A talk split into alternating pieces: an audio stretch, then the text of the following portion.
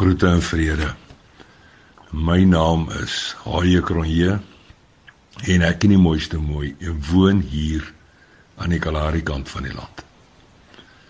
Rigter 6 se 22ste versie gelees in die Nuwe Lewende Vertaling sê: Toe Gideon agterkom dat dit die engel van die Here was, het hy hardop uitgeroep: Ag tog oppermagtige Here, ek het dan die engel van die Here in die oë gekyk en die B gedeelte van vers 15 dis nou in Josua 5 ook in die nuwe lewende vertaling sê trek uit jou skoene. Jy staan op heilige plek. Grenslose gasvryheid. Om op Kalahari plase soos Lemoenkolk en ver genoeg as ook Kalkbult te gaan oorstaan is voorwaar lekkerder as om vars gebraaide roosterkoeke en ryp vye konfyt te eet.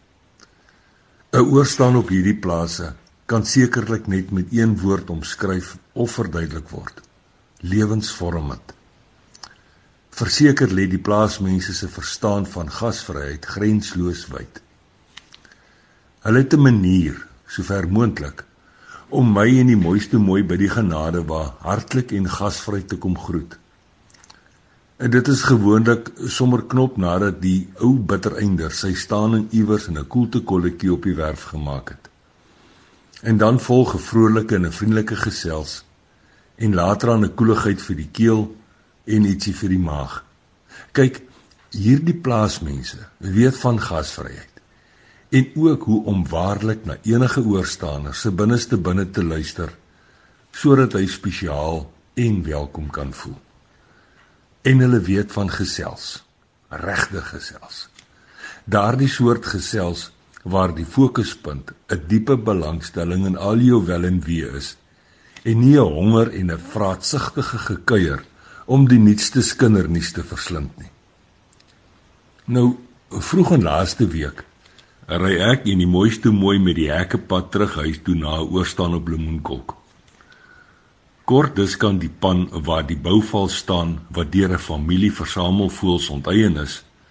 Herkou ek steeds aan ons gasvrye ontvangs by oom Hannes en tannie San. Opeens dink ek aan Josua en Gideon en hulle gasvrye ingesteldheid.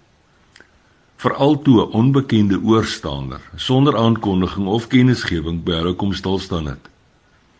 En dis nou dieselfde Josua wat as volksleier die Israeliete die beloofde land ingelei het en die dapper Gideon eh, wat in die parskyp gaan wegkruip het. Ek dink net ongeag sy sosiale status as volksleier het Josua die wil en wens van 'n onbekende oorstaander uitgevoer deur sy skoene dis nou as teken van nederigheid en onderdanigheid sonder 'n gekibbel of 'n gestry uit te trek Op sy beurt weer het Gideon ten spyte van 'n erge gesukkel en swaar kry as gevolg van Midian se onderdrukking 'n ongesuurde brood met 16 kg meel en 'n hele slagbok vir 'n onbekende oorstaander voorberei.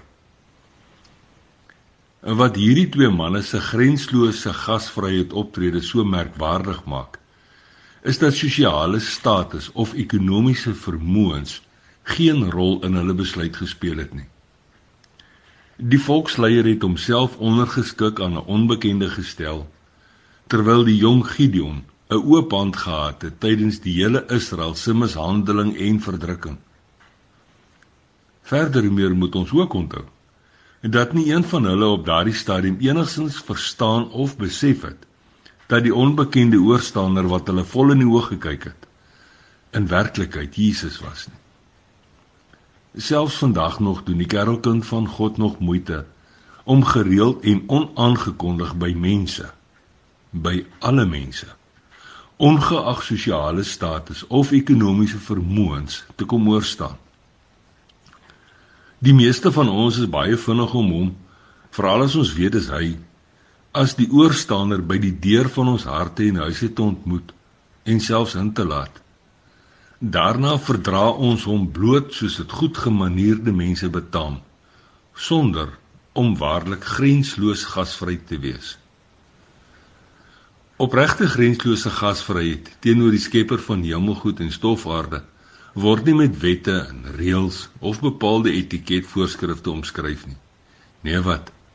Grenslose gasvrye gedragspatrone is eerder opgesluit in ons gehoorsaamheid aan sy liefdesopdrag. Iets wat hy, ongeag ons sosiale status of ekonomiese vermoëns, van my en jou vra om teenoor hom en diegene wat ons pad kruis uit te leef. So seker as wat die son sy kop in die ooste optel en in die weste wegsak. So seker is dit dat die Here almagtig en alomteenwoordig is. Hy is daar vir my en ook vir jou, maar ook vir elke ander mens wat spore los op aarde. Hy is daar elke dag, elke uur, elke minuut en elke sekonde en die minste wat ons vir hom kan doen is om waarlik grensloos gasvry teenoor hom as ons permanente oorstaander te wees. Dit is hoe ons hom eer, hom respekteer en hom ook laat welkom voel vir wie en wat hy regtig is. Dis die regte ding om te doen. Dis regtig die enigste ding om te doen. Want dan staan ons soos Josua met kaal voete op heilige grond. Nou ja, eh, tot 'n volgende keer. Mooi loop en sandkorrel by seëninge.